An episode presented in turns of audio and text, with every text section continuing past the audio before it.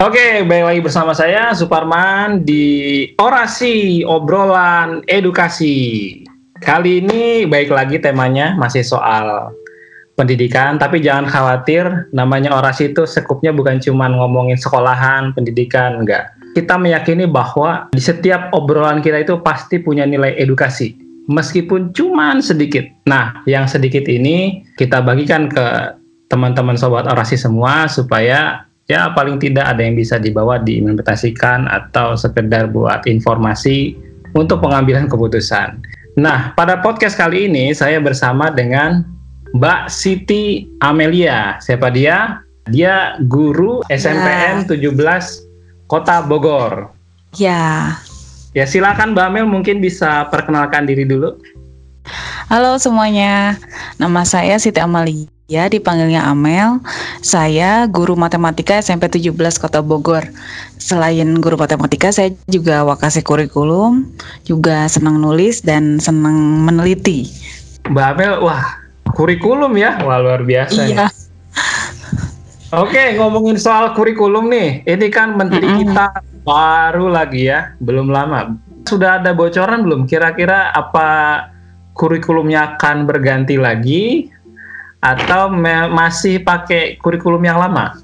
Saya belum dapat bocoran ya, cuman sepertinya kita akan lebih ke digital learning karena kan background dari main Mendikbud kita kan dari uh, apa bergelut ke bidang IT ya sehingga akan membenamkan uh, digital learning dalam pembelajaran seperti itu.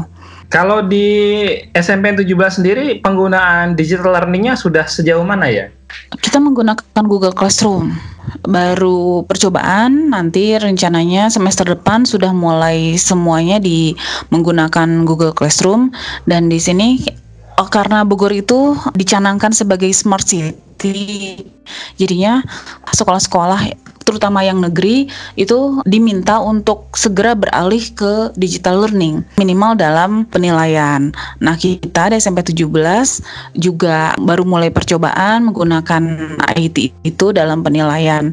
Oke, okay, kalau spesifik dari Dinas Pendidikan Kota Bogor hmm. sendiri ada menganjurkan ah, harus pakai ini, harus pakai itu gitu. Uh, dibebaskan, bisa menggunakan CBT, komputer based test, atau menggunakan Kejar ID. Kejar ID itu suatu aplikasi di Android. Nah, itu untuk apa pembelajaran, untuk mengerjakan soal-soal. Itu bukinan dari SMK Wikrama. Udah gitu bisa juga menggunakan Android atau menggunakan Google Classroom atau apa pun itu. Yang pasti uh, ditekankan untuk paperless. Tantangannya di sekolah sendiri bagaimana, Mbak Mel? Ya, tantangannya sangat beragam sekali ya karena SMP 17 Kota Bogor itu berada di pinggir Kota Bogor yang berbatasan dengan kabupaten ke arah Sukabumi.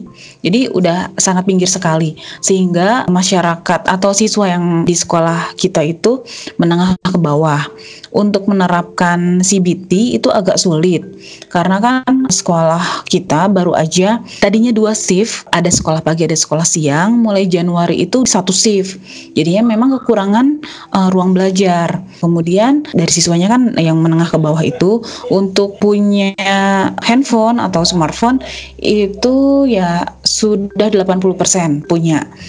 Cuman hmm. yang punya itu juga ada yang HP-nya masih lama-lama. Nah, ketika kemarin itu kita mau menggunakan penilaian berbasis Android, kita meminta yang nggak punya itu agar meminjam dulu kepada orang tuanya atau kakaknya seperti itu saudaranya. Akhirnya mereka pada punya ada juga yang belum belum punya sama sekali dan nggak ada yang bisa untuk dipinjami begitu. Jadinya tantangannya itu pertama smartphone dan smartphone yang dibawa itu ada yang sudah kuno sekali gitu.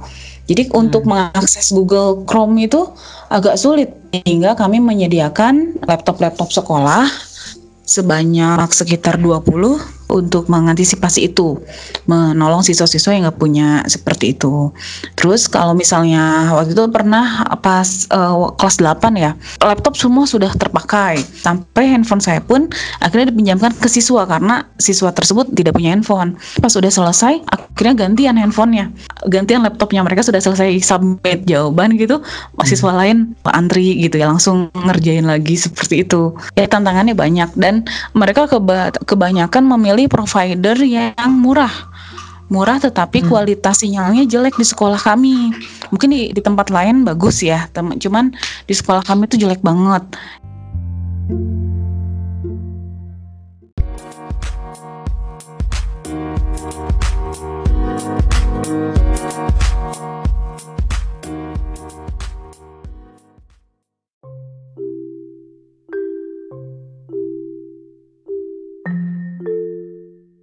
Gimana ceritanya kok bisa SMP 17 Kota Bogor ini memperbolehkan siswanya untuk bawa handphone gitu. Terus hmm. gimana antisipasinya untuk yang konten-konten negatif gitu?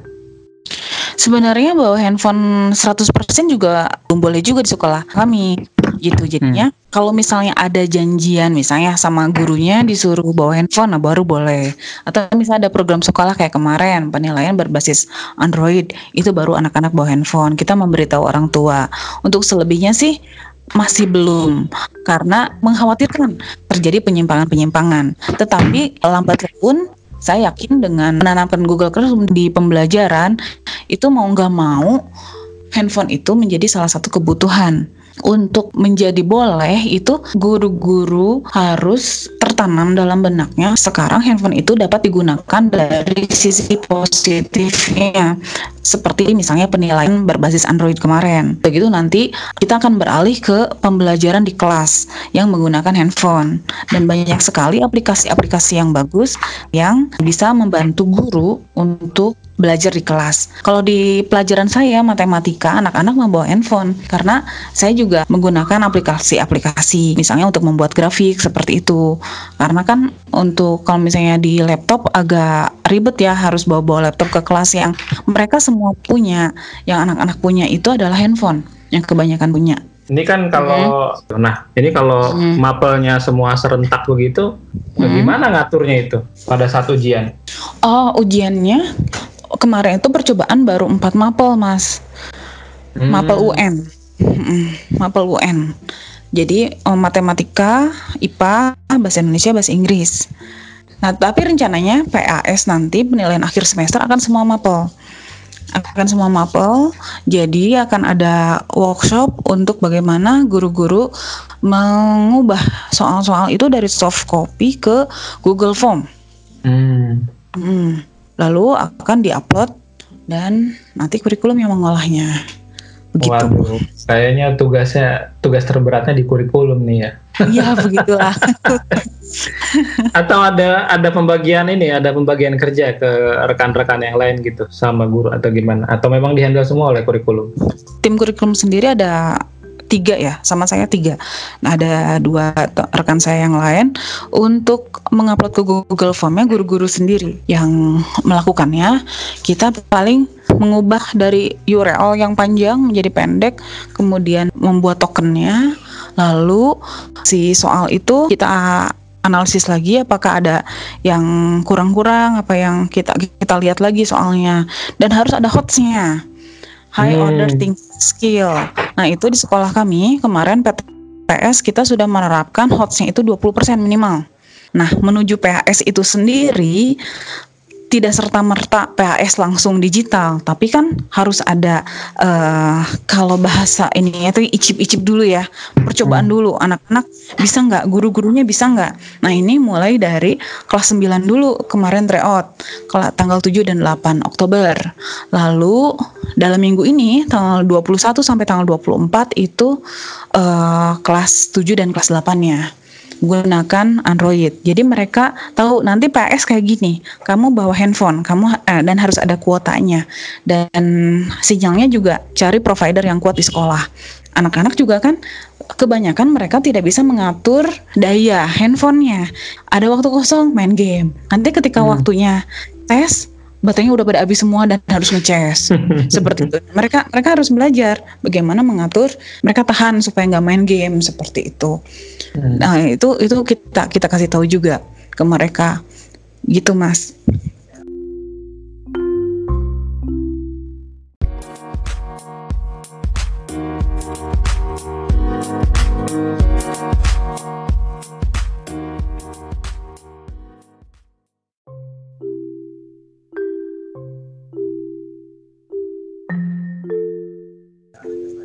Ya Mbak Mel, saya masih penasaran nih soal hmm. SMPN 17 nih luar biasa. Hmm. Mau banget nerapin teknologi meskipun dengan segala ya infrastrukturnya masih yang terbatas gitu ya. Ya, ya. Uh, tapi tadi dibilang ada wifi juga ya katanya ya? Di area tertentu saja, tidak belum ke kelas-kelas. Uh, Mbak Amel, kalau boleh tahu di SMPN 17 guru mudanya ada berapa ya? Ah. Sorry bukan muda, yang bisa ngikutin teknologi gitu. Oh, yang bisa ngikutin Seberapa banyak? Hmm, 50 persen. 50 persen? Hmm. Sisanya ya, PR ya? sisanya, sisanya ya ada yang ya ya kalau dibanding dengan sekolah negeri yang lain, kita tergolong banyak guru mudanya gitu. Okay. Tergolong banyak guru mudanya bisa bisa di bisa di apa? dibantu oleh guru-guru yang lain gitu. Hanya untuk misalnya ngetik ngetik soal itu mereka udah bisa. Jadi tinggal diupload ke Google Formnya. Hmm. Ada workshop khusus. Kemarin sudah sudah mulai diperkenalkan misalnya aplikasi kayak kelas dojo, terus hmm. gitu yang itu di, diliatin bagaimana uh, apa anak-anak ketika submit terus gitu diliatin spreadsheetnya dan hmm. pengunduhan ke Excel gitu uh, ketika kita memperkenalkan penilaian ini sudah mulai diperlihatkan seperti itu dan mereka sangat antusias. Oh iya ya asik juga ya. Berarti kita harus mengubah peraturan kita dari nggak hmm. boleh handphone menjadi bawa handphone karena kan kalau misalnya pakai Google Classroom anak-anak harus siap sedia dengan handphonenya kan kita tugas bisa upload dari situ nah sudah mulai tercetus omongan-omongan begitu dari guru-guru luar biasa hmm. Kalau SMP 17 sendiri punya berapa lab ya? Karena yang tadi saya bilang itu kita uh, dari peralihan dari dua shift ke satu shift dan hmm. itu kelas-kelas yang tadinya lab itu menjadi kelas ruangan-ruangan lab itu menjadi kelas jadi sebenarnya kita sekarang nggak punya lab hmm. gitu. misalnya ada acara mau apa namanya tryout tingkat apa gitu ya pakai CBT anak-anak dipindah dulu gitu ke ruang-ruangan yang lain misalnya contohnya dipindah ke masjid dipindah ke perpus. Nah kelas mereka dipasang laptop-laptop dipasang komputer-komputer untuk tes gitu. Tapi kemarin pas UNBK ikut nggak? UNBK udah mandiri ya oh udah ya, mandiri ikut. Mm -mm, sistemnya begitu UNBK yeah, kan yeah. bersif-sif ya Jadinya hmm. kan anak-anak kelas 9 tidak full dari pagi gitu. Ada yang kelas-kelas yang kosong di kelas 9 gitu. Ber berapa sih jumlah siswa di SMPN 17 Bogor nih? Total dari 789 ya? Mm -mm. Sekitar 810. Wow, itu sama itu. sekolah terbuka. Kita ada hmm. uh, sekolah terbuka, ya SMP terbuka tapi tinggal di uh, tinggal kelas 9-nya saja. 78 tidak ada. Mbak Amel semoga sukses ya bisa integrasi ya, sih, amin. apa ya. namanya IT di sekolah. Wah ini luar ya. biasa banget. Ya, Terus kita kalau boleh uh, kalau boleh tahu kan mapel informatika ya udah ada lagi ya. Mm -hmm. Di sana diterapin nggak? Mm -hmm. uh, Uh, belum, karena kita belum punya guru yang linier, mas ya itu kan gurunya khusus. Hmm, gitu. Kalau untuk prakarya sendiri, mas, eh prakarya, kok prakarya sih? Iya. Bimbingan prakarya, TIK. Iya, prakarya. Bimbingan TIK belum. Belum nah, juga. Jadi hmm. uh, prakarya jadinya kita mapelnya. Prakaryanya gitu. tidak ada guru khusus karena prakarya linearnya ke IPA, jadi guru IPA yang menghandle prakarya. Jadi mereka mengajar IPA dan prakarya. Eh, Mbak Amel, kepala sekolahnya berarti eh, support banget ya soal integrasi IT di pembelajaran. Iya, uh, iya. Soalnya kan uh, support banget dan uh, sangat serius kita menggarap ini karena kita kan di pinggiran. Terus di antara seluruh sekolah negeri di Kota Bogor tuh kita kemarin nilai UN-nya di, di bawah. Kita pengen meningkatkan kualitas pembelajaran di sekolah kita. Kalau saya melihat sih dari awal kita ngobrol sampai sekarang kayaknya excited kali ya uh, dapat menteri yang punya background IT ya. Iya, uh, uh, seperti itu. Jadi pertama backgroundnya IT dan masih muda dan dari pendidikannya juga kan lulusan dari uh, universitas terbaik di dunia. Mereka antusias. Uh, mereka menunggu gebrakan.